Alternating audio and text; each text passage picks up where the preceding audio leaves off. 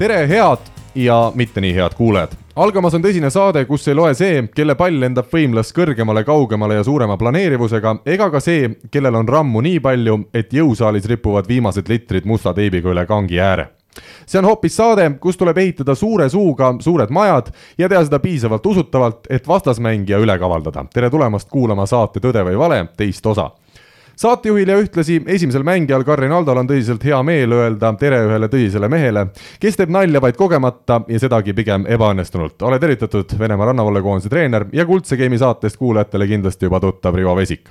tere! oled sa valmis uueks ettevõtmiseks? absoluutselt.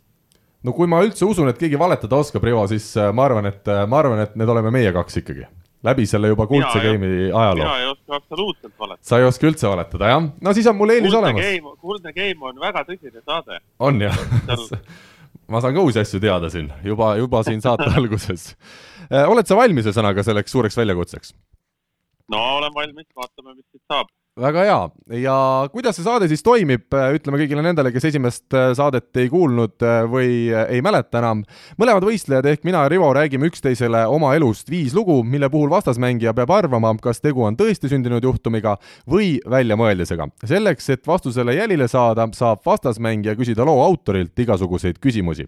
et eelmisest korrast jäi ka paar vastust õhku, siis võtame täna teise loo järel aja maha ja avaldame eelmise saate viimaste küsimuste õiged vastused ja loosime välja võitjad.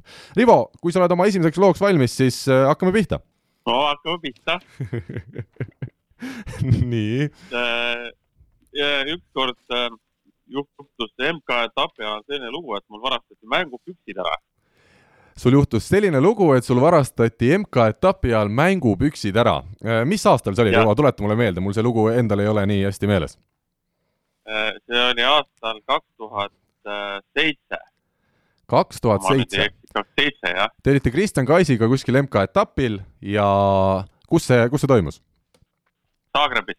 Sa-, kas see oli see, kas see oli kuulus see Zagreb? mille me võit-, jah, täpselt.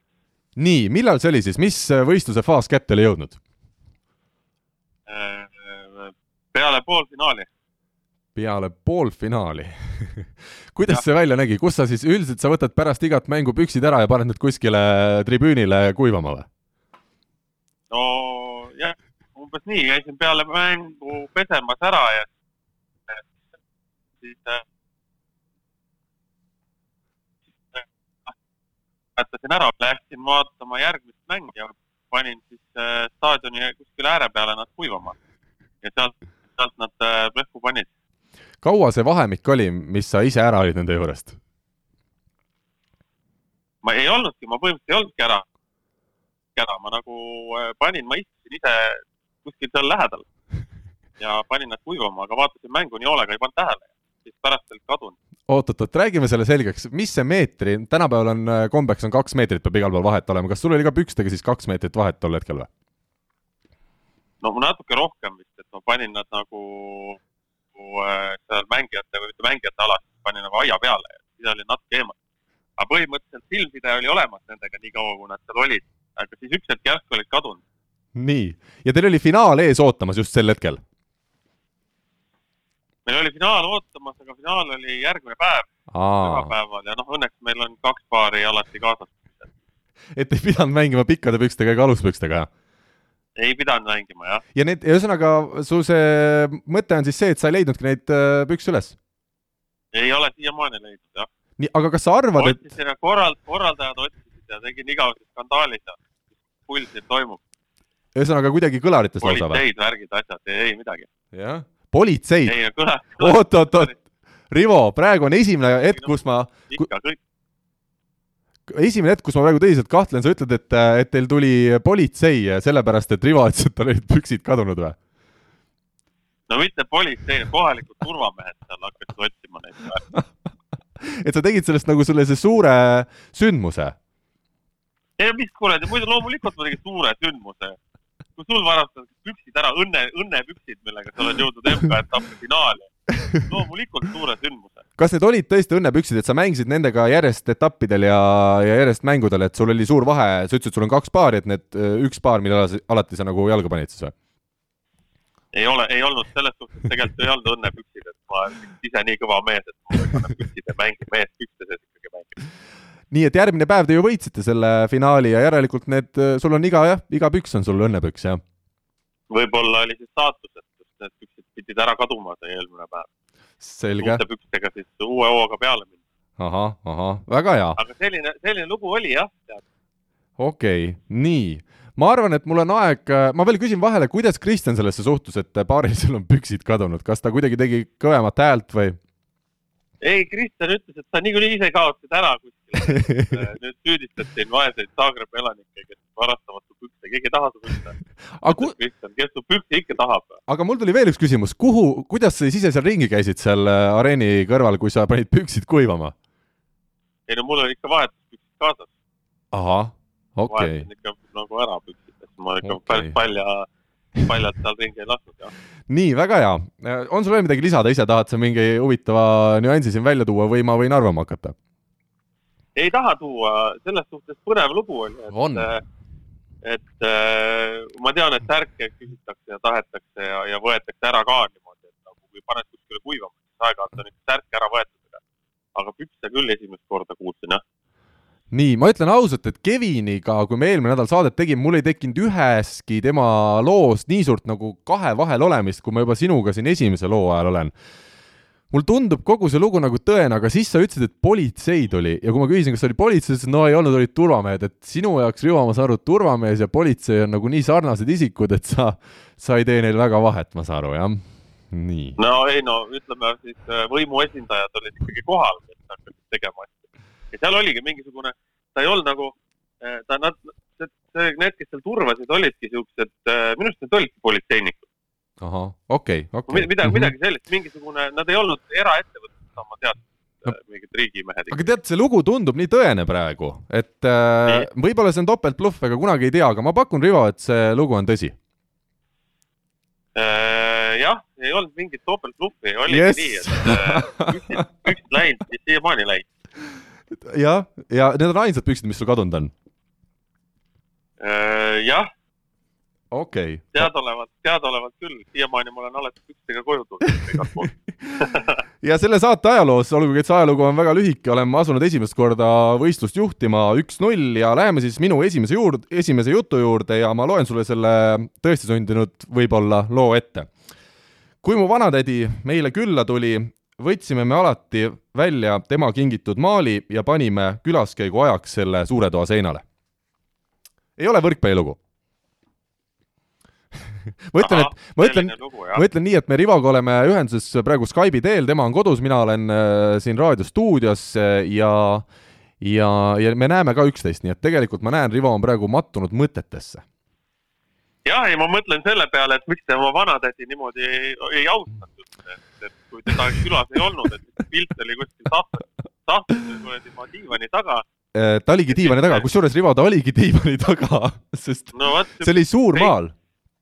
Fake armastust näitate siis oma sugulaste vastu. ei okay,, sugugi mitte. aga see, see selleks. nii? Äh, kas äh,, mis su vanatädi nimi oli? Sille. või on? Sille, oli, oli jah. oli? Sille okei okay., kas, äh, mis, äh, mis, mis seal pildi peal oli, milline see pilt oli? tead, see oli, see oli ühe Eesti kunstniku Väino Parise pilt, kes noh, oli nagu mingites seltskondades niisugune päris tuntud kunstnik, aga, aga meie perele nagu need pildid ei istunud, aga vanatädil oli see Väino Paris nagu lemmikkunstnik ja, ja tema, tal oli oma kodu neid tema pilte mitu tükki ja tema jaoks oli nagu suur asi, et ta oli meile kinkinud siis äh, ema juubeliks selle ühe Väino Parise suure pildi, kus oli selline oaas ja seal oli siis kaks jõehobu peal ai, see on ilus pilt. see oli ilus pilt äh,. oota, aga ma, okei okay,, tähendab, mina sain algul aru, et see oli selle tädi enda joonistus. ei, ei, ei, ei, see oli ikkagi ah,, see oli tunnustatud okay. äh, autori pilt, Väino Parise pilt, jah okei okay,, selge. see on ju Väino Parise teada-tuntud pilt Oaas ja kaks jõe absoluutselt. see on ju, see on ju kuulus, kuulus see, pilt. Nüüd see taheti kumusse and-, võtta, aga me ei, me ei andnud, meil diivani taga ta mõnusalt püsib. ühesõnaga, mõte, mõte oli selles, et vanatädil oli hea idee oma, eks ole, sugulastele kinkida üks suur ja ilus maal, mis tema jaoks omas väga suurt väärtust, noh, see oli Nõukogude ajal kingitud, ma ei oska öelda, mis see hin-, hinnaline nagu väärtus võis tol hetkel olla, aga selgelt oli väärtuslik, aga kui sa paned selle kaks jõehobu oaasil, eks ole, meie suurde tuppa, siis need värvid ei sobinud ja kuna meil tol ajal oli ka olemas üks kena päikeseloojangu pilt, mis noh, oligi tehtud selle elutoa jaoks, siis äh, me nagu ei leidnud, et miks me peaks selle ära vahetama, et noh, vanatädi mõtles nii, nagu tema mõtles, ja siis ta oligi meil seal diivani taga ja vanatädi käis, ütleme, kord aastas külas, alati oli Karl, too jälle, too pilt välja ja pane, pane seinale. See on väga hea lugu, kusjuures, Karl. no just. ja, ja, ja ega mul ei olegi rohkem su käest küsida midagi. No, ma arvan, et, ma arvan, et see on tõesti sündinud lugu ja, ja puhtalt sellepärast, et äh, Parise maal Oase kaks jõehobu on, on, on väga tuntud maal ma tänan sind selle, nende ilusate sõnade eest.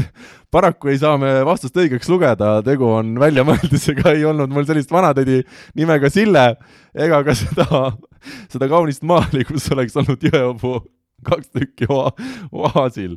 nii et äh, Rivo, kaks-null olen mina asunud seda kohtumist juhtima, on sul enda õigustuseks midagi öelda ka? Ei ole absoluutselt mitte midagi öelda enda õigustuseks, mulle lihtsalt väga meeldis see lugu, ma, ma ise nagu hingest tahtsin väga, et see oleks tõsi. no selge, no selge. et see oli tõesti väga noh, selline, mulle just praegu, ma ilmselt nüüd äh, tellin mõne kunstniku käest sellise maali, kus on kaks jõehobu ja oaas kingin selle sinule ka, sul on sünnipäev. et kui ma sul külas hakkan käima, siis ma palun, et hoiaksid seda kogu aeg diivani taga kusjuures üks asi oli sellel lool tõene, Väino Paris, selline kunstnik tõesti oli olemas, aga mitte minu olematule vanatädile ei meeldinud tema pildid, vaid minu emale meeldisid. nii et Mustamäe ma tean, tean sellist kunstnikku küll, jah. tead jah? no vot, no vot, no vot. no vot, jah ja, ja minu emal on, on ja oli ja siiamaani on neid pilte, aga mida rohkem nüüd mina olen nagu saanud õigust oma korteris, kus ema enam ega isa ei ela, saanud nagu orgunnida, seda vähemaks on aastatega jäänud neid Väino Parise pilte. No siis tuleb sulle ikka kinkida üks äh, kaks jõehobu ja oaas, ma ise, väike ma ütlen ise sulle esimene minu poolt välja antud kunstiteos nii, ühesõnaga kaks-null seisult äh, lõbusas toonis ma kuulan sinu teist lugu. Nii vaatama, vaatama, panin kirja endale, mis mul siin variandid on. Äh, ma võtaksin siis sellise loo. võta. et noh, sinu käest ei saa seda küsida, aga ma küsin sel-, ma ütlen sulle sellise asja, et kunagi täiesti võr-, ei ole ka võrkpalliga seotud, ega spordiga seotud lugu. kunagi ma läksin äh, sõbra sünnipäevale. seda ma usun. nädal aega varem lugu ongi see, et sa läksid sõbra sünnipäeval nädal aega varem. ma alustan kohe sellest, et äh, kus sina olid ja kus oli see äh, kaunis äh, sihtpaik, kuhu sa pidid siis minema sünnipäevale? või mina olin ühes majas ja see teine sünnipäev toimus mingit üle, nagu noh, vaata nagu on majad on ju, korter, kortermajad. Järgmises majas toimus sünnipäev. okei okay., see oli. võtsin kingi, võtsin kingid ja lille ja ma astusin ukse taha. kui vana sa olid? ma olin mingi kaksteist, kolmteist äkki mitte, et sa hiljem rumalusi oleks võimeline tegema, aga, aga hea teada. kaksteist, kolmteist, kas sa teadsid, et see, millal sellel sõbral see õige sünnikuu, sünnikuupäev oli? tead, minul on selline lugu, et äh, mul on üldse sünnipäevadega väga halvasti, siiamaani on väga halvasti. ma tean väga, enda väga-väga lähedaste, inimeste sünnipäevast, et äh, enamus inimeste sõprade sünnipäevast ei mäleta. mul on sellega väga halvasti ja ega ma siis ka ei teadnud, ma lihtsalt võtsin asjad ja läksin. ahah aga miks sa siis üldse, miks sa siis ei läinud näiteks pool aastat varem või hiljem, miks sa siis just nädal aega enne läksid? noh, ma ei teagi, ma seal oli, seal noh, selles mingi veebruarikuus see sünnipäev oli, ma teadsin, et siis, siis ma läksin. selge, nii ühesõnaga läksid sünnipäevale, kas sa olid kutse üldse saanud või sa tahtsidki lihtsalt nagu sõbrale viia mingi kingi ja, ja läksid, läksid kohale? Läksin, kutse sain ja, aga ei mäleta, kus see kutse oli ja läksin kohale jah, lasin ukse kella ja sõbra ema ütles, et tule nädala pärast tagasi kui palju varem sind sünnipäevale kutsuti, mina ikkagi mäletan, et niisugustes algklassides oli nii, et äh, võib-olla see sõber ütles paar päeva ette, et näed, et mul on sünnipäev, tule, tule ka läbi. aga teil oli, ma saan aru, siis ikkagi kuu aega, mitu kuud ette teatati, et kuule, nüüd on mul sünnipäev tulemas, pane valmis. jaa, absoluutselt, sest äh, vaata, meie, meie vanusevahe on ikkagi nii suur, Karl, et äh, et me, meil pidi pikalt ette teatama, muidu ei saanud kingitust, pidi poodi pidi, keegi pidi järjekorda pidama, et kingitust saada. väga hea, väga hea. nii, sa jõudsid kohale ja sa ütlesid, et ema juba ukse peal saatis ära, et ei ole seda, et tule sisse, võta, võta teed, võta kommi, tule räägi sõbraga juttu, kohe saatis ukse pealt pikalt sind, jah? jah, mis su sõbra nimi oli? tere.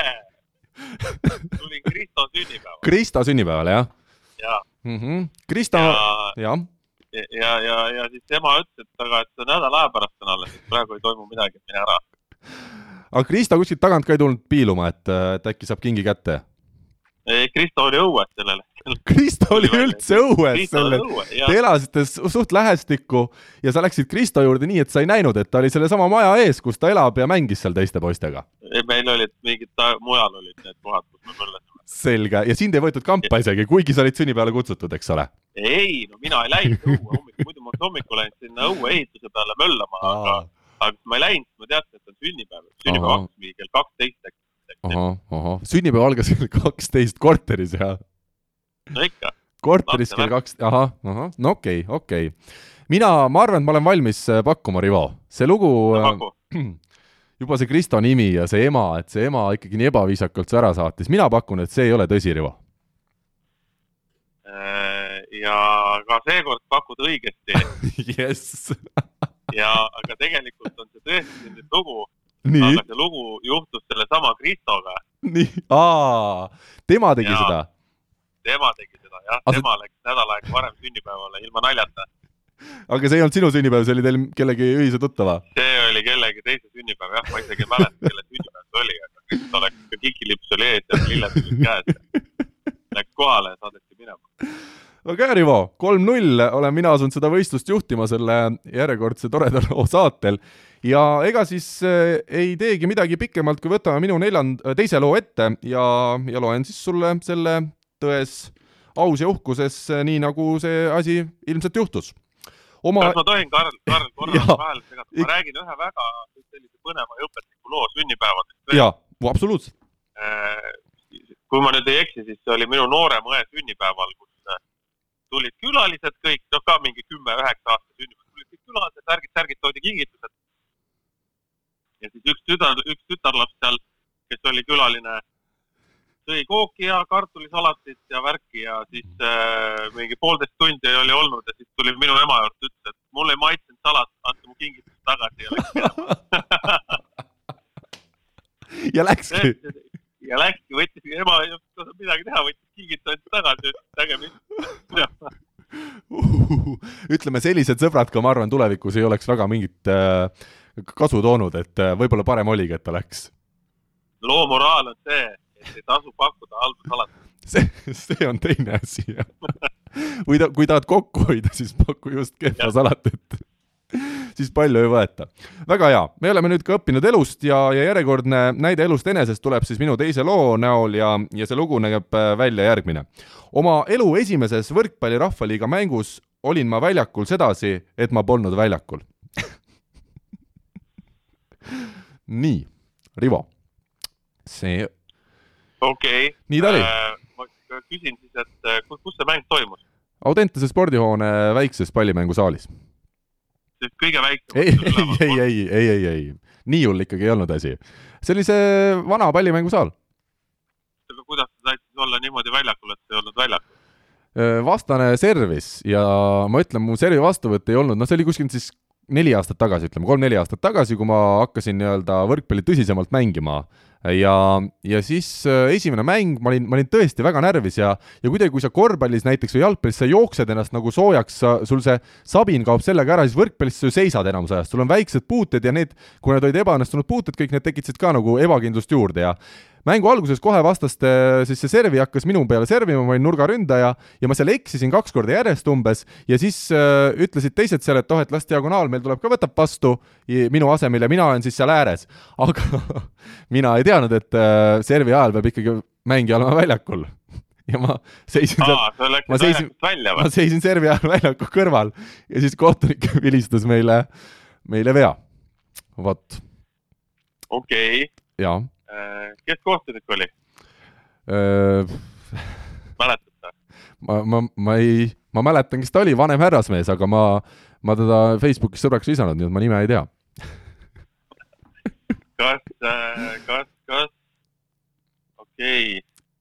no ma ei. kas te võite selle, kas, kas sind vahetati välja peale seda kohe või, või ei vahetatud? Ja ega seal palju aega ei läinud ega seal palju aega ei läinud ikkagi jah, sest kui selgus, et ikkagi ma pean väljakul olema, siis oli ikkagi suhteliselt suur tõenäosus, et, et ma segan, ütleme jah, ma ei toonud kasu, aga ma ka segasin, et see oli just võib-olla suurem asi. oota et..., millal sa võrkpalli mängima hakkasid üldse nagu, nagu mängima? no ütleme, ma olin kooli ajal gümnaasiumis ja põhikooli lõpus käinud sedasi kord nädalas pühapäeviti kuskil kooli, noh, et meil oma koolivõistkond oli, siis käisid poisid-tüdrukud koos mängimas ja ütleme, gümnaasiumis oli minust saanud selline harrastus rannavõrkpallur, et ma suviti käisin Pirita rannas palju ja mängisime, mängisime, aga noh, oskused olid ikkagi kehvad ja kui ma nüüd siis kolm-neli aastat tagasi umbes kahekümne kolme, kahekümne nelja aastaselt hakkasin tõsisemalt äh, mängima, siis, äh, siis servi vastuvõtt oli minu jaoks ikkagi selline ületamatu takistus. mina ei usu seda, Karl. mina, mina, ma arvan, et praegu valetad mulle otse näkku. miks, miks sa arvad, ma valetan no,? sa oled nii tark inimene, et sa ikkagi tead selliseid reegleid, et terve ajal peab mängija väljakul olema. arvad jah? Jah. no nii, sa pakud, et see lugu on vale? ma arvan, et see on vale jah, see on välja mõeldud. see on Rivo Vesik, see on tõesti sündinud lugu minu esimesest Rahvaliiga mängust. vaeseke. issand jumal, Karl kui tagantjärele mul nagu kohtunik vilistas selle vea, siis mul oli väga-väga piinlik, sest no ilmselgelt, kui sa loogiliselt mõtled, see on normaalne, et sul peab meeskond olema väljaku piirides, aga ma seisin seal jah, natuke eemal, niikuinii vaata nurgamees, kui ta läheb rünnakule, ta võtab sealt eemalt veits äh, hoogu, et ma olin juba nagu servi, servi vastuvõtu ajal olin sinna liikunud. no praegu ma läksin küll äh, naiivselt selle, selle nahka Mart tark inimene no,. Ma ütlen, sellist saadet, mida me praegu teeme, seda üks tark inimene ka ilmselt ei teeks ega juhiks, äh, nii et äh, ma arvan, et seda oleks pidanud ikkagi aru saama. meil on mõlemal Rivo kaks lugu räägitud, mina juhin neli-null seda mängu ja siia vahele siis äh, võtame eelmise nädala meie need viimased teemad. Esiteks Kevin Saar rääkis siis sellest, kuidas ta jäi Saaremaal neljandas klassis käitumise pärast istuma. kas sina usud, et Rivo selline asi võis juhtuda, kuna ta seal kakles ühe poisiga? usud, jah? usun, jaa. ja see oligi äh, tõene lugu, täpselt nii oligi. Äh, Kevin jäi istuma käitumisega ja tegi siis seal nädala või kaks, palju ta seal rääkis, äh, tegi siis ühiskondlikku kasulikku tööd koolile ja sai selle teise kaklejaga siis paremini läbi edasi ja, ja see oli nii-öelda täitis eesmärki. aga nüüd minu lugu, mis siis rääkis nendest gladiaatorite võistlusest äh, tigudega, ma siis ütlesin, et suvilas ma korraldasin tigude gladiaatori võistlusi, kus ainult viimane koht, kes siis jooksuvõistluses viimaseks jäi ja kõige aeglasem oli, et tema jäi ainsana ellu, kuna ta oli nii aeglane, siis ma panin ta tagasi siis taimede peale või saatsin naaber, naabri hoovi, ülejäänud kolm siis võidukat tigu ma alati nii-öelda kustutasin nende eluküünla. kas, kas sulle tundub see tõene lugu? Äh, kui vana sa olid sellel, hetkel? ma olin väikene ikkagi, sihuke lasteaia lõpp äh, ja, ja ütleme, kooli esimesed, esimesed klassid. Äh, kui ma ei, ma ei tahaks uskuda, et sa sihuke rets, rets oled. kusjuures. aga ma arvan, ma arvan, et see on tõsi, tõsi. sa arvad, et see on tõsi? ja, ma olen isegi korraldanud tigude võistlusi, aga mitte nii selliste karmide järeldustega kusjuures see ongi, see on vale tegelikult, nii et sa panid jälle mööda, õnneks selle eest me sult punkte maha ei võta. ei olnud sellist gladiaatorite võistlust, kus ma siis nii nii-öelda õilsalt oleksin mõelnud, et see viimane tigulas jääb ellu. küll ma tegin mingeid sarnaseid analoogseid, aga see ikka kõik lõppesid kõigi võistlejate surmaga, ma pean seda küll tunnistama, et mul ellu ei jäänud küll seal tigudest mitte keegi mitte kunagi. aa, et selles oli, et, et sa valetasid, et üks jäi ellu või? ei, jaa, ei no tegelikult ütleme, ütleme sellist võistlust ma ei korraldanud, et ma tegin mingi areeni neile ja panin nad võistlema. et ma lihtsalt mängisin nendega seal võib-olla korra, vaatasin, et kas ta ronib karpi või on juba, saab juba enne läbi tema aeg ja, ja siis ikkagi, kuna noh, tõesti meil oli see probleem, et tigusid oli palju, nad sõid neid lehti nii palju seal erinevatel taimedel, et neid tuli ikkagi hä hävitada, see ei olnud äh, selline naljaasi, noh. meil oli täpselt samamoodi, äh, maal oli nii, teod tigusid oli nii palju, et tõid nii palju lehti, et ükskord tõid rahva hääle ära see ei ole tõsi. ja, et, ja, et Postimees minema sai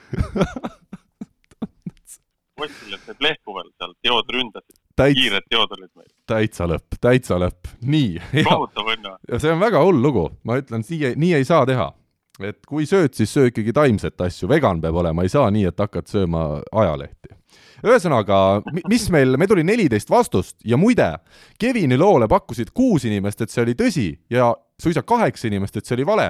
ja minu lugudel siis vastupidi, kaheksa inimest arvasid, et tõsi, ja kuus tükki teadsid siis tegelikku tõde, ehk siis see lugu oli vale.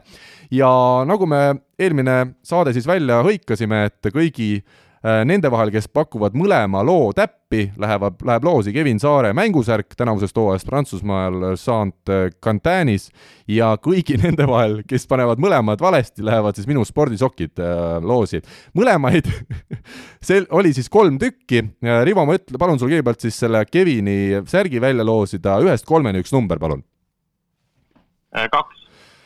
number kaks ja meil käis siin tõsine võitlus, äh, kaks tükki siis, kes vastasid õigesti, olid äh, Tallinna Tehnikaülikooli selline eestvedaja klubi, võrkpalliklubi siis eestvedaja, kes toimetab seal erinevate asjade, fännidega ja nii edasi, Karl Aavik ja Tallinna Selverist oli siis äh, kogukonnajuht Gerda Kiisa ja kolmas oli seal veel üks teine inimene, keda mina nii hästi ei teagi, aga number kaks oligi Gerda Kiisa, nii et meie õnnitleme Tallinna Selveri kogukonnajuhti, kes tabas ära ühena kolmest siis selle mõlemad õiged lood ja valesti pakkusid siis kolm inimest ja ei teagi, kas neid spordisokke nüüd keegi soovib või mitte, aga välja me need loosime. Rivo, ühest kolmeni ütle veel üks number.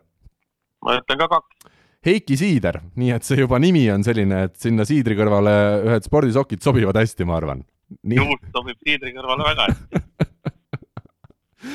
nii et äh, oleme saanud needki vastused nüüd teada, äh, head kuulajad, samamoodi me jõuame tänase saate lõpus siis oma viimaste küsimustega panna välja auhinna, aga sellest kõigest juba siis, kui on õige aeg. Rivo, mina ootan nüüd sinu kolmandat lugu äh,. mul on veel üks pükstega üks lugu. pükstega üks lugu? ma sain, jaa, kunagi MK-etapil sain sada dollarit trahvi selle eest, et mul olid püksid liiga pikad mängimise ajal. selline on sinu lugu? ja, ja, ja selline on minu lugu, jah. nii, hakkame jälle võtma, mis aasta, mis äh, turniir? aastat tead ei mäletagi, ka seal kaks tuhat kuus äkki või? ja turniir oli kuskil Hiinas. ma ei mäleta enam, kus, kus kohas, aga Hiinas, ilmselt oli Peking või Shanghai. kas see oli hooaja algus? jah, üsna algus jah, üsna algus kuidas see nii juhtus, et sul need püksid nii pikad siis olid, kas sa, kas sa tahtsidki pikkade pükstega mängima hakkama, hakata rannavõrkpalli või mulle tundub, et see on selline absurdne probleem? no oli mingi reegel seal tehtud, et püksid ei tohi olla pikemad kui kakskümmend sentimeetrit põlve sellest, see on see, noh, Põlve... põlvest kakskümmend senti. põlvest alla, sul olid siis püksid põlvest kakskümmend senti allapoole veel? lühikesed püksid? püksid pidid olema, reegel oli, püksid pidid olema kakskümmend senti ülevalpool põlve. Kakskümmend senti ülevalpool põlve no on... patella. Need on jaa, ma saan aru. kakskümmend senti kõrgemal pidid püksid lõppema. no need on niisugused Speedo ujumispüksid pidid siis kõigil jalas olema, praegu mõõtsin ära kakskümmend senti oma põlvede peal. no põhimõtteliselt, põhimõtteliselt küll jah. ja minul olid pikemad, mul olid põlvi sinna enam-vähem sinna patellani ja ja peale mängu tuli kohtunik ja sott maksa ära. sott sada dollarit tuldi Hiinas ütlema sada dollarit sulle? Hiinas nad kohaliku jeenidega ei tahtnud sinuga arveldada või? ei, dollar on dollar on väärtuslikum mm. -hmm. Kud, nii, te Kristjaniga koos mängisite, ma tean, Kristjan ikkagi suhteliselt selline korrektne inimene, et te siis tulite tähtsale MK-etapile nii, et teil olid täitsa suvad ja erinevad riided seljas, ma saan aru. temal olid kõik korras, vinks-vonks ja siis sina tulid siis korvpallipükstega? ei olnud kusjuures Kristjanil, Kristjan sai hoiatuse ta kuidagi keeras mängu ajal need püksid kuidagi ülesse niimoodi, midagi seal tegi. et tal oli nagu piiri peal, ta sai hoiatuse. aga miks, miks sina ei teinud või miks sa ei tõmmanud neid pükse näiteks kõrgemale? minul ei tule, tule mingi mees mulle ütlema, kui pikad püksid mul jalas on aga mis sai siis, aga mis sai siis edasi, kui sul tuli see trahv ja siis sa mängisid edasi nendega või? ma võtsin käärid ja lõikasin need lühemaks ja mängisin edasi niisuguste kõverate pükstega. kas sul sponsori logosid ei olnud seal peal? oli, läks pooleks kõik andke andeks sponsorid. Pilliboi oli sul seal, aga see oli kõrgemal, see oli kõrgemal, nii. ei, meil oli igasuguseid huvitavaid häid sponsoreid seal, aga kõik tuli pooleks lõigata ja, ja mängisin terve turniiri niisuguste selliste räbalate pükstega mm. -hmm, mm -hmm ühesõnaga kaks tuhat kuus, vaata, mul tuli selle looga meelde, et ütleme, sada aastat tagasi või veidi vähem oli ju äh, maailmas igal pool oli, kui naised käisid rannas no ma ei tea, kas nüüd igal pool, võib-olla Aafrikas ei olnud, kuskil ei olnud, aga et oli igatahes ikkagi läänemaailmas oli väga täpselt teada, et kui naine läks randa, et kui palju ja mis kohad tal võisid olla üldse nii-öelda nahk võis paista või ke keha võis paista, et ta pidi ikkagi katma ära ja see seeliku pikkus ka on olemas täitsa sellised äh, ametlikud äh, infod, et mis aastal, kui pikk tohtis olla või kui lühike tohtis seelik olla, et see on aastatega läinud, nii et tuli sealt äh, põhimõtteliselt kandade juurest see seeliku pikkus või siis selle äh, rannariietuse pikkus, kuni nüüd siis on nii, et põhimõtteliselt ei pea midagi enam seljas olema, et käi kuidas tahad. rannavõrkpall üldse sai alguse näiteks nudistidest. oli jah? Sest nii et võib-olla sealt hakati nagu vaikselt tagasi minema, et äh, peab olema rohkem näha igasuguseid asju. ahah, okei okay,, okei okay., nii, see vahelugu on ka nüüd teada. kaks tuhat kuus, ma mõtlen, et siis ikkagi olid need püksid minu arust pikad. ma arvan, et ma arvan, kui sul ei ole siin midagi enam lisada. ei ole, ma võin lisada seda, et mul on need püksid alles praegu veel. Need on kõige kallimad püksid, mis ma üldse oma elus olen ostnud, spordipüksid. oota, aga te ostsite pükse, teil ei olnud mingeid toetajaid kaks tuhat kuus aastal? ei toeta, tähendab selles toetaja, aga üldse nagu läbi aegade üldse, kui ma olen ostnud või mitte ostnud, siis need on, need on, need on raudselt kõige kallimad nagu spordipüksid, mis, mis on üldse mul on olnud. nii, Rivo. ma tahan, et see lugu oleks tõsi, aga ma pakun, et sa ikkagi ei hakanud äh, lõikama oma pükse lühemaks ja mul tundub kahtlane see, et sul pidi kakskümmend sentimeetrit põlvest kõrgemal olema pükste äär. ma pakun, et see lugu on vale. sa pakud täiesti mööda, see on tõsi ja see nii nii loll äh, nagu reegel, kui ta ka oli, siis äh, päris paljud mängijad said järjest trahvi. et yeah. tuli uus president Peele ja väidetavalt tema naine ütles, et äh, meestel võiks olla nagu rohkem näha mingeid muskleid ja värke, et siis yeah., siis tehti selline, reaalselt selline reegel, et kakskümmend senti pidid olema püksid ülevalpool põlve ja oli üks mängija või kaks mängijat, kes olid, üks oli meeter seitsekümmend neli, teine oli meeter seitsekümmend kaks meeter seitsekümmend kaks meest, Nishimura, Koichi Nishimura Jaapanist, tema ütles, et ma ei leia endale pükse. jah, no ongi spiidod peavad olema, jah. ja ma pean mängima spiidod, öeldi spiidodega ei tohi ütles, ma ei leia, sest lasteosakonnas püksed on mulle väiksed ja ülejäänud on kõik pikemad. ja ilma naljata, mina mängisingi selle turniiri lõpuni niimoodi, et lõhki lõigatud pükstega. kui ma leian need üles kuskilt, need püksid, ma teen pildi. pane teele, just väga hea. ja, ja lõhki lõigatud pükstega ja kohtunikud ütlesid, et noh, nad olid nii kõveralt lõigatud kui vähegi võimalik, ma lõikasin nende väikeste küünekäärtega ja, ja, ja. ja meelega niimoodi valesti, et kohtunikud saaks vaadata. ma küsisin järve, kas nüüd on parem. jah, nüüd on reeglitepärane, nüüd on okei okay. aga esinduslikult, eks ole, koledam oluliselt äh,. väga kole oli jah, inimesed käisid, mängijad käisid irvitasid, et mis ma teen, mul ei ole teist. arusaadav, okei okay Kristjan kuidagi kruttis nad üles jah, mingit värvi vahet, nii et äh, täitsa kohe selline reegel ja asi oli olemas. väga äge lugu, no vaata, mis välja tuleb, see on ikkagi ka selline arendav, arendav saade, ei ole puhas selline naljasaade. jah, see näitab, et äh, kui inimestel on palju aega, siis mõeldakse välja igasuguseid lollusi. aga õnne, õnneks, õnneks see kadus ära peale esimest hooaega, et äh, et noh, tõesti, see oli, oli üsna kole vaatepilt, et seal enamus rannavõrkpallurid ei ole teab mis äh, musklimajad, et kõik kanajalad, neid ei ole väga hea vaadata okei okay., nii, neli-üks seisult me jätkame seda mängu, mina olen juhtimas, aga Rivo sai ka lõpuks silmad pähe, nii et päris, päris piinlikuks see asi ei ole ikkagi minemas. ja ma tulen siis lagedale oma kolmanda looga, äh, Rivo, ja see on väga lihtne lause. minu vana-vanaisa oli esimese Eesti Vabariigi ajal Eesti valitsusjuht ja vana-vanaema Estonia teatri esibaleriin see võtab tummaks kohe sind. ei, ma mõtlen, kusjuures me oleme, kas me oleme kunagi rääkinud mingi midagi sellist sinuga? no vot. ma mõtlen seda, mida, kuskilt ma midagi olen kuulnud, kas sa, mis nende nimed olid jälle, ma küsin esimesena. Juhan Kukk ja Leene Ämber mis, mis sa naerad? oi, Karl, Karl. nii, mis, mis sa naerad? sellised nimed, jah väga hea, väga hea. nii, Estonia, mis aastatel need olid täpselt, ütle mulle uuesti uh,. mis aastatel nad siis olid oma nendel töökohtadel, mis ma, no uh, vana-vanaisa Juhan oli tuhat üheksasada kakskümmend üks äh, lõpust kuni tuhat üheksasada kakskümmend kaks suve ja kuskile keskpaigani. vaata, tol ajal meie Riigikogu oli hästi ebastabiilne, kogu aeg valitsused vahetusid ja, ja. ja hästi ja. palju erinevaid riigijuhte. ja no seal tööl olles ta saigi siis minu tulevase vana-vanaemaga tuttavaks, aga vana-vanaema selleks hetkeks oli juba lõpetanud oma baleriinikarjääri, sest no teatavasti need noh, baleriinid ju lõpetavad suhteliselt varakult, et kui Estonia teatri, teater sai valmis tuhat üheksasada kolmteist, see uus teatrihoone, mida me tänasel päeval tunneme, et siis tema oli seal olnud äh, minu vanaema sõnade kohaselt esimene siis äh, see Prima baleriin, kes oli, oli peaosas Tšaikovski Luikide järvel okei okay. äh,. väga põnev lugu muidugi. jaa. tõesti põnev lugu.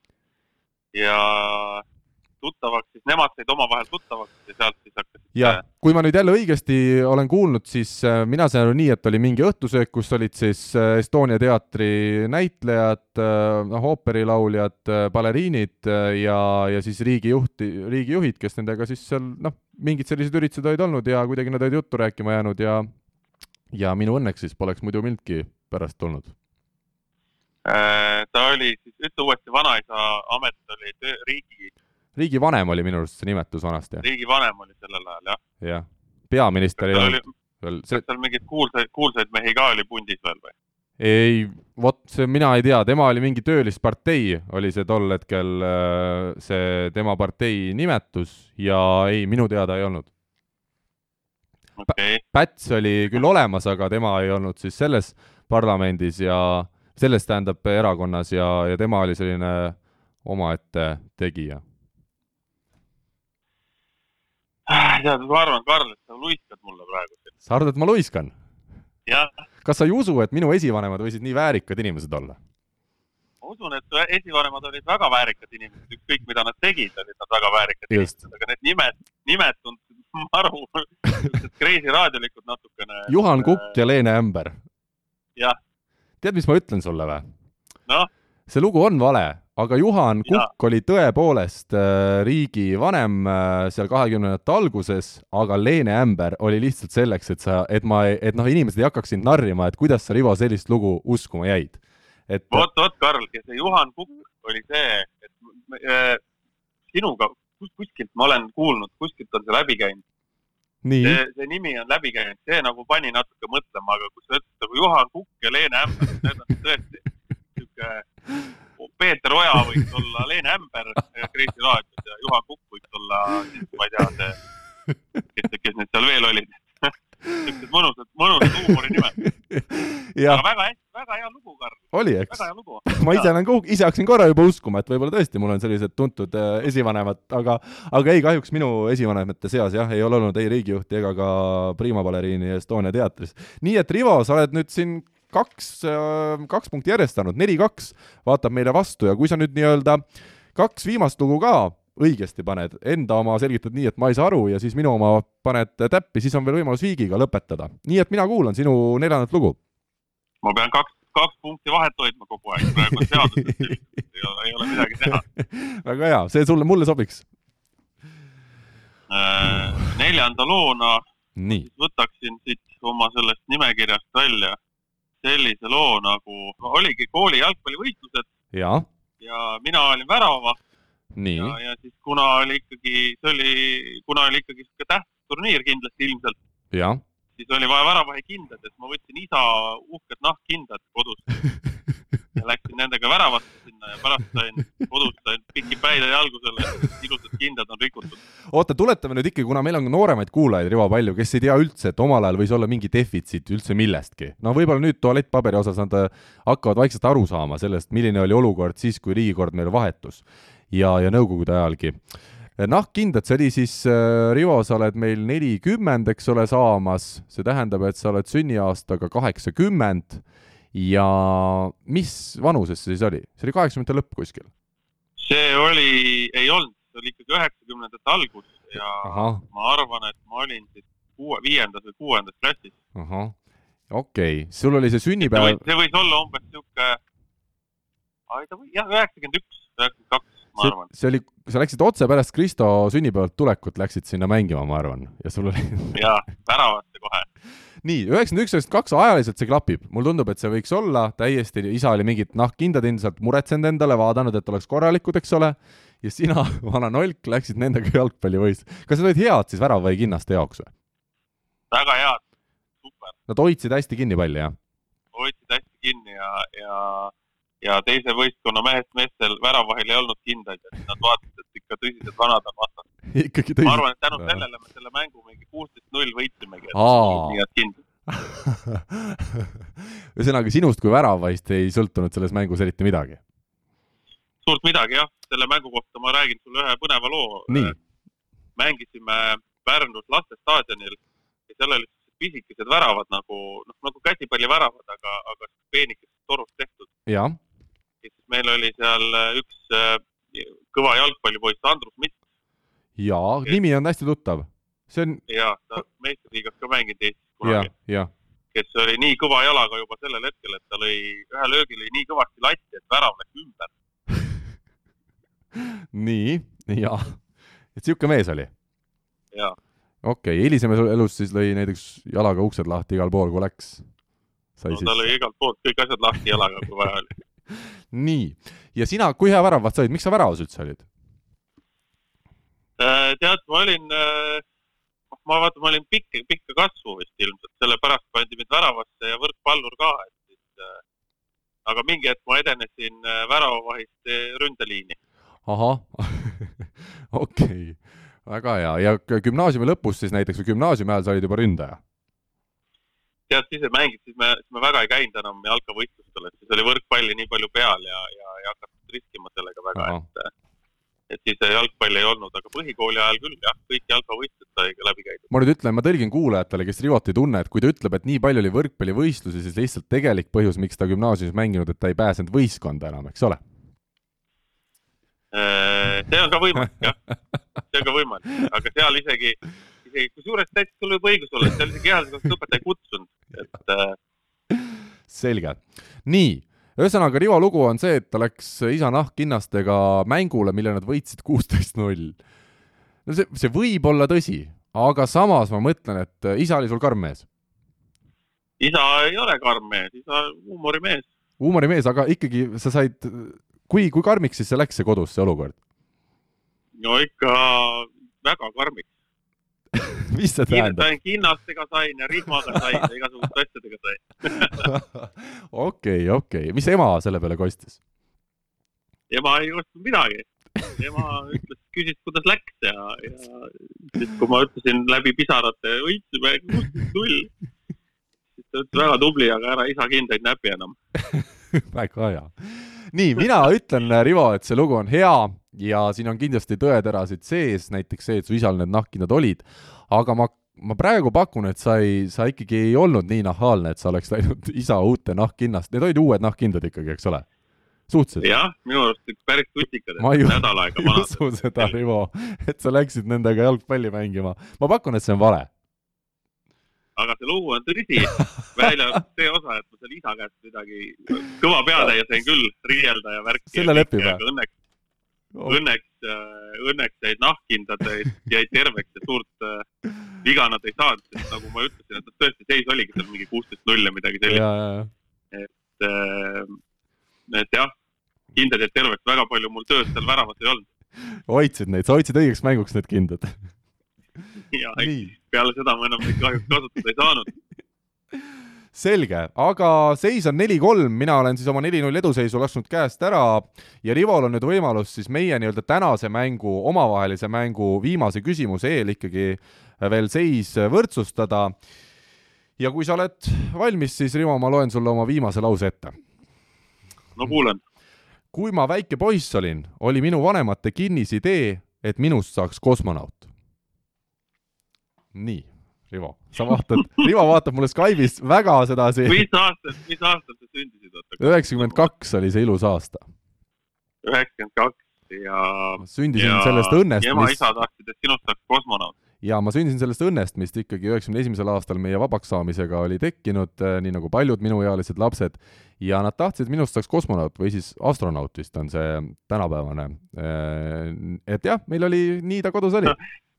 Sorry, sorry, Karl, ma nii, see tuli, lõika välja, lõika välja see praegu, ma, olen äh, magamistoas ja vaatan aknast välja ja üle tee nagu mingi noh, sihuke kahekümne meetri, kakskümmend meetrit eemal on laste mänguplats, nii, kus üks ema kiigutas ühte last ja lükkas siukse hoo sisse, et laps lihtsalt lendas kiigu pealt minema praegu. seda ma ei lõika välja, Rivo. konkreetselt lihtsalt lendas minema. oi Jeesus, põnevad ajad on. see on nii, nagu mina oleks pidanud vanemate äh, siis äh, ideedes ja unistustes lendama raketiga üks päev siit aga võib-olla tahavad ka kosmonaudiks teha, võib-olla. juba harjutavad seda kukkumist. ma pärast lähen küsin üle, et kas tahad tõesti nii suurt hoogu teha. no ega see ei ole turvaline ka, see kosmosesse lendamine, seal võib juhtuda, et sa peadki olema valmis ka alla alati kukkuma, et siis kuidas seal kukkuda nii edukalt. nii, Rivo, on sul küsimusi veel? on üheksakümmend kaks aastal sa sündisid ja, ja millal siis su ema-isa hakkas minu, nii palju kui mina mäletan, ikkagi see oli väga väikesest peast saati, mu isal oli äh, Juri Gagarin ja neid märke oli väga palju kodus, siiamaani on need kodus olemas. nii palju, kui ta sai, oli ka Neil Armstrongist juba erinevaid äh, märke, noh, nõu-, Nõukogude lihtsalt neid Juri Gagarini märke oli, oli tohututes kogustes, kuna ta oli rahvuskangelane.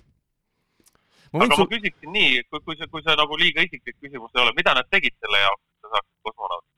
Kas nad treenisid sind kuidagi või, või mingeid asju tegite, mingeid proovisite? ei, pigem lihtsalt nagu rääkisid sellest äh, noh, kosmonautikast mulle ja olidki need märgid ja asjad, see oli kuidagi nagu lapsest saati meie peres selline kuidagi niisugune tore asi, et alati sai, no meil oli hästi palju raamatuid, mis rääkisid äh, üldse sellest, mis siis väljaspool meie äh, planeeti Maa toimub ja, ja nii edasi, noh, selline ta oli. et ütleme, kui Maa ümbermõõt, Rivo, ma võin sulle öelda, on nelikümmend tuhat kilomeetrit, siis Kuu peal on täpselt kümme korda pikem maa, nelisada tuhat kilomeetrit. Ja ma tean näiteks, mul on lapsest saati sellised asjad äh, peast, et äh, peas, et sada nelikümmend üheksa miljonit kilomeetrit on samas maalt päikeseni.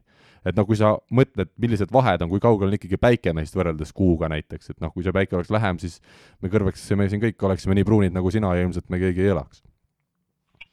et see tean, jah, aga kumb, kumb need nagu rohkem sihuke isa, ikka isa, isa, isa ikka ja, ja isa oli ikkagi okay. nõuka, viiekümnenda aastal on ta sündinud ja, ja siiamaani ta väga palju huvitub sellest ja ja tal oli ka lapsepõlvest just Juri Gagarinist saanud see see kogu see asi nagu algus, et kui Juri Gagarin ko kosmosesse läks ja ja muide, Juri Gagarin äh, on kolmekümne neljandal aastal sündinud ja kuuskümmend üks ehk siis kahekümne seitsme aastaselt ta ju pääses kosmosesse esimese inimesena üldse, et mina olen praegu ka kakskümmend seitse, et isa võib-olla unistuste järgi võiksime praegu siin saate asemel kuu peal olla. kas, kas ja, ja mis vanuseni nad sind sinna nagu, sind siis nagu kosmonaudiks tahtsid teha? noh, see oli kuskil, ma arvan, niisugune viies-kuues klass, ega see nüüd, mida ikkagi aeg edasi, seda, seda vähem sellest juttu oli. ma äkki, äkki sa said lihtsalt valesti aru, äkki nad lihtsalt saatsid kuu peale kogu aeg. ah, Karl, mine kuu peale. kusjuures Rivo, see, see uskumatu, see lugu mul põhinebki sellel argumendil, et äh, isa ja ema saatsid mind tihti kuu peale. Ja sina arvasid oma väikses peas, et sinust saab teha kosmonauti. vot seda ma, seda, mis ma oma peas mõtlesin, seda ma ei oska öelda, aga fakt on see, et mind saadeti ikkagi kuu peale. tõsiselt, kogu aeg tihti, jah? no mitte väga tihti, aga need märgid meil olid ja, ja kuu peale saadeti, on minu, minu argument. hea küll, Karl. see lugu on, on niivõrd jabur, et ta võiks isegi olla tõsi, aga ma arvan, et sa praegu teed nalja, sest isa on nii tark mees küll, et ta, et, et ta ei hakkaks oma pojast kasvatama üheksakümne teisel aastal ei kosmonauti ega astronauti. ja ma arvan, et sa plärad, sa ajad puhta vale juttu praegu jah, Rivo, tõsi, tõsi see on, et see lugu tõsi ei ole, mu isa tõesti, mu isa kogub märke, aga ta kogub kõiki märke, mitte ainult Juri Gagarini ega kosmosega seotud märke, vaid absoluutselt kõiki, tal on kõik spordimärgid, mis on ilmselt kunagi Nõukogude Liidus ja Eestis välja antud, meil on terve tuba selle jaoks, lisaks on meil eraldi tuba veel kodus raamatute jaoks ja, ja markide jaoks on eraldi veel selline suur nurk, nii et meil erinevatel, erinevates korterites, kus me siis isa, ema, mina täna elame kõik erinevates korterites, seal on palju palju selliseid äh, ajaloolisi toredaid äh, asju ja, ja tõesti kuu peale, nagu ma arvan, et meid kõiki on kunagi saadetud, aga mingiks astro, astronoomist ja, ja kosmonaudist oli asi ikkagi kaugel. aga see oleks, jah. see, see oleks muidugi, see oleks muidugi olnud väga tore unistus, kui hakata last, lapsed tegema kosmonauti üheksakümne teisel aastal. fantastiline, on, on, on, nii ta on ja need väga hea lugu, Karl. Aitäh! väga hea lugu. super. ja nüüd me oleme siis lõpetanud oma tänase omavahelise võistluse sõbraliku neli-neli viigiga, mis siis äh, kahjuks nii läks, ei suutnud oma algedu ära kasutada ja meil on siis aeg tulla viimaste viiendate lugude juurde, need on siis need lood, kus me küll küsime üksteiselt küsimusi, aga me ei ütle lõpus, lõpus seda õiget või vale vastust, vaid me laseme kõigil saate kuulajatel ise seda välja mõistatada. Rivo, ma kuulan sinu viimase loo ära äh,. minu viimane lugu on selline, et äh, kunagi kergejõustikuvõistlustel kõrgushüppes äh, hüppasin kõrgust koos selliste meeste nagu Sten Esna, Kristjan Kanguri ja Jüri Homenjaga kõik tundus usutav, Sten Esna, Kristjan Kangur. aga kui tuli Jüri Homenja, mul tuli kohe klaver ette ja ma mõtlesin, et klaverit ei olnud tal kaasas seekord nii, räägi mulle, Sten Esna, kuidas ta sulle tol hetkel teada oli, kuidas ta, oli ta sul sõber? ja, ja, ei sõber ja ikka jah, me ju, see oli see oli... ma, ma olin ikka siis üle kahekümne juba natuke, kakskümmend pluss või midagi, kakskümmend üks äkki. see ei mõju praegu su loo usutavusele, usutavusele hästi, kui sa ütled, et sa olid juba kakskümmend üks. miks peaks kahekümne ühe aastane Pärnu võrkpalliklubi tegevvõrkpallur Rivo Vesik ja, ja teine tegevvõrkpallur Sten Esna minema kõrgushüppevõistlusele? see oli mingisugune, ma ei mäleta, mis võistlus see oli. äkki mingi heategevus, midagi sellist heategevuslik võistlus Pärnus. jaa, kus meid kutsuti siis äh, kergejõustikku tegema. nii, see oli ainult kõrgushüpe oli see võistlus? me osalesime kõrgushüppes ja palliviskes äkki veel või? palliviskes?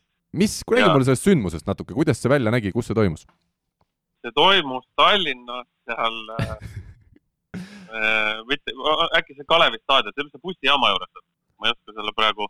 nojah, Kalevi staadion on pigem jah. Kalevi staadion jah, mitte jah Kadriorg. aga Kadriorg on teisel pool bussi, nojah.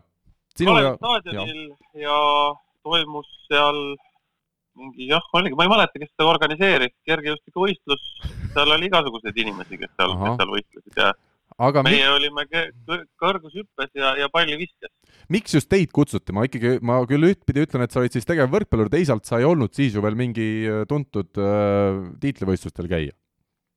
Võib-olla oli see natuke hiljem, kui sa praegu nii ütled, kakskümmend neli, midagi sellist. kakskümmend neli? me olime ikkagi nagu tuntud, tuntud näod selles suhtes ja, ja Kristjan Kangur ka ja, ja., ja see korraldaja oli, oli minu üks hea sõber Teet Teet. kes korraldas ja tema siis nagu kutsus. kas Tiit ja Teet? ei olnud? ei, mitte, mitte need mehed, aga Teet äh, jah, äh, see oli äkki Uno raadio spordipäev. Uno raadio spordipäev, väga, vähemalt see ja. Uno raadio oli olemas, see on nüüd esimene asi, mis sul siin loos on tõsi äh,. miks Kristjan Kangur, kõik Pärnu mehed, miks kõik Pärnu mehed sinna, kas te esindasite mingit Pärnu võistkonda või see oli juhus? ei esindanud Pärnu võistkonda, see oli, see oli täitsa juhuslikult, kutsuti Aha ja, ja siis, ja siis Homenja ka. ja Jüri, Jüri oli ka. pundis. kas Jüri on ju teist vanem, oluliselt vanem? Jüri on meist vanem, jah mm. -hmm. Mm -hmm. nii, kas ta laulis ka seal oma sellise häälega? ta ei laulnud, aga, aga kui tal äh, ebaõnnestus, siis ta ütles küll niimoodi. Ah, kurat küll, poisid, see oli halb. kurat küll, ei tulnud välja. nii, äh, see võistlus, äh, ma küsin nii, et kui palju Jüri hüppas umbes? Ma ei mäletagi, igatahes. Kas ta matile hüppas? ta hüppas mingi meeter, rutt kolmkümmend vist hüppas ära. kolmkümmend, okei midagi ikka päris minul tuleb, mul tuleb mälestus, kuna ma käisin kergejõustikutrennis, siis äh, ma hüppasin esimeses klassis ruts kolmkümmend. midagi sellist, kangur hüppas seal vist ikka üheksakümmend viis Kristjan Kangur meeter, vaat sa pead väga täpselt praegu nende numbritega võtma, sest ma ikkagi olen kergejõustikut teinud ja, ja ma arvan, et kui sa ütled mulle, et Kristjan Kangur hüppas üks üheksakümmend viis, siis ma juba tõmban vee peale sellele loole. aga okei okay.. ma võin eksida, ma võin eksida, Kangur hüppas väga palju hüppas palju? väga palju ja, ja kuna siis oli nii, et näha oli, et Kristjan Kangur selle võistluse võidab. jah. no konkurente ka ei olnud mm. -hmm viimased katsed me lasime, kõik lasime peale panna maailmarekordi kaks nelikümmend viis. aga maailmarekord on kaks nelikümmend kuus kaks nelikümmend kolm on maailmarekord kardinaalne. ei ole. Siiamaani on kaks nelikümmend kolm maailmarekord, ei ole, kaks nelikümmend kuus või? oot, oot, ma kohe vaatan. Kaks nelikümmend, kas kaks nelikümmend viis ei ole või? Sotomayor World Record, kohe me vaatame, meil on olemas äh, siin saate ajal internet, mis ei, töötab. kaks nelikümmend kolm on võrkpallivõrgu kõrgus. tead, ma pean tunnistama oma rumalust, kaks nelikümmend viis on. kaks nelikümmend viis, jah? jah, nelikümmend kuus on ühesõnaga palju peale pandud. jah, jah, kaks nelikümmend viis lasime peale panna viimaseks rattaks ja ütleme nii, et ei saanud kätte. Ei saanud, palju puudu jäi? maha, ütleme maha jäänud Läti keegi kõik läksid alla. ahah, vot väga hea. palju Sten hüppas sellel võistlusel? Sten hüppas äkki, Sten tuli teiseks, Sten oli kas äkki seitsekümmend viis või, mina hüppasin seitsekümmend. Jüri Rumeenial oli, noh, ta hüppas vähem, aga ta hüppas kitarriga, ta hüppas kitarriga, selge. oli raske. nii, oot-oot-oot, kuidas sa Stenile kaotasid, teil on pikkusvahe päris suur, aga Sten siis kuidagi põrkas äh, sedasi, ta, ta vist hüppas rulltehnikaga, ma arvan, vana hea Jüri Tarmaku rulltehnika, kuna ta sedasi, Sten pani Lider- floppi, kangur Flop. pani floppi, aga ei saanud nagu puusa üles tema. ahah, aga sina hüppasid kuidas? ma hüppasin rulli rulli ikkagi, jah mm ja karjapunt Okei, selge., karjapunt, rulli. nii, okei. Okay., Rivo, ma arvan, et seda jama on nüüd kuulatud küll, aga kui mina peaksin pakkuma, ma ütleksin, et see lugu ei vasta tõele, sest Jüri Omenja kindlasti kitarriga ei hüpanud seal Ruts kolmkümmend, aga äh, ära ütle, mis on õige ja mis on vale. me laseme kõigil kuulajatel nüüd ise pakkuda, saatke meile siis vastused info, et võrkpalli kakskümmend neli ja võrkpalli kahekümne nelja Facebookile sõnumitesse, aga saatke need vastused siis, kui olete kuulnud ka minu viimase loo ära. Ja see viimane lugu ütleb siis sellist asja sain oma naabripoisiga suvilas sedasi tuttavaks, et ta viskas oma oda minu aeda. nii, Rivo, kes, kes su naabripoiss oli? Erki nool. ei olnud nool, ei olnud nool, see oleks visanud üle aia veel mitu, mitu seda, mitu krunti edasi veel, aga see oli naabripoiss mul. Aga oda oli siis kas indiaanlase oda või sportoda? sportoda, see oli kergejõustikupoiss, mina sellepärast ka kergejõustikutrenni läksin esimeses klassis, et ma olin saanud seal umbes aasta või kaks varem äh, tuttavaks selle naabripoisiga. ja siis hakkasid oda loopima ja värki tegema. jah, sest tema isa oli teinud äh, sporti mingil määral siis nõukogude aja lõpus. kus, kus, kus sul see suvi lasus? Väna-Jõesuus, Tallinna palju lähistel. krunte on? palju on, ruutmeetrid või? Niisugune tavaline suvilakrunt ei ole midagi väga suurt, aga kuna ma maja väga suur ei ole, siis meil on äh, nii minul kui ka naabril on selline ütleme siis maja esine ala on, ütleme kakskümmend korda kakskümmend meetrit kindlasti, okei okay.. väga põnev lugu. isegi rohkem. oo, rohkem, rohkem, isegi kuskil kolmkümmend korda kolmkümmend on seal, no seal on ruumi, ühesõnaga seal on suur nagu plats mõlemal. ja aed ei olnud väga kõrge. e-, Erki kohta küsib, kas Erki on saavutanud ka midagi kergejõustikul? jah, noorteklassides ta oli minust kõvasti parem, aga selleks, et minust kõvasti parem olem-, olla ei pidanud palju, palju tegema. ma olin ikka sihuke kõhetu kõhetu kuju. Erki, Erki äh, isa-ema ei tahtnud temast kosmonauti teha. Nad tahtsid odaviskajat või? no igaks juhuks küsis. ei, ei, ei, ma ei tea muidugi, mida nad seal nelja seina vahel tegid, aga väljas nad äh, viskasid oda ja tal oli seal üks kuul ja meeste ketas ka, aga ma mäletan, see meeste ketas kahekilone oli nii raske, et seda me lapsepõlves ikkagi ei heitnud.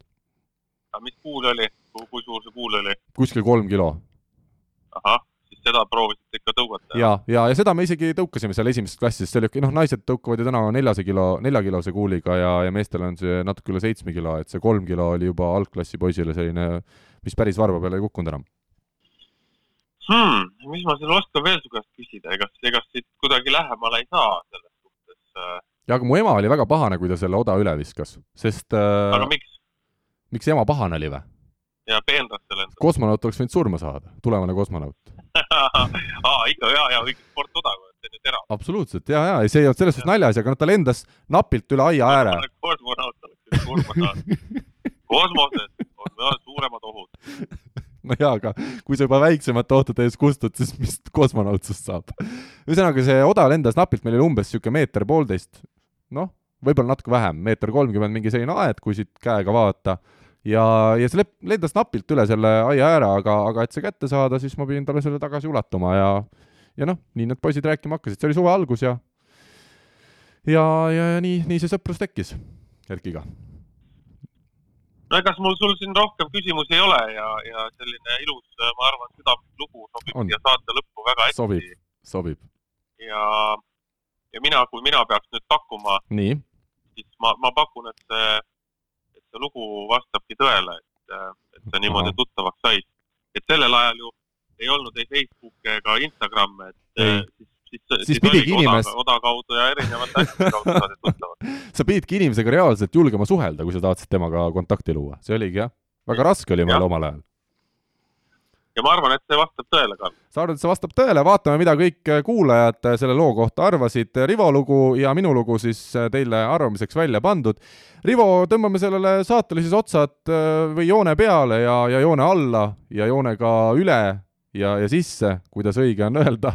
aitäh sulle nende lugude eest, sul oli ikkagi lugusid oli võtta küll, et ei olnud nii, et sa oleks pidanud äh, tühjuses äh, sirvima. Ja mul lugusid eile õhtul, kui ma hakkasin neid siin mõtlema, siis äh, neid lugusid tuli ikka päris palju. et teiseks korraks ka veel, jah? teiseks korraks saaks kindlasti hunniku lugusid veel.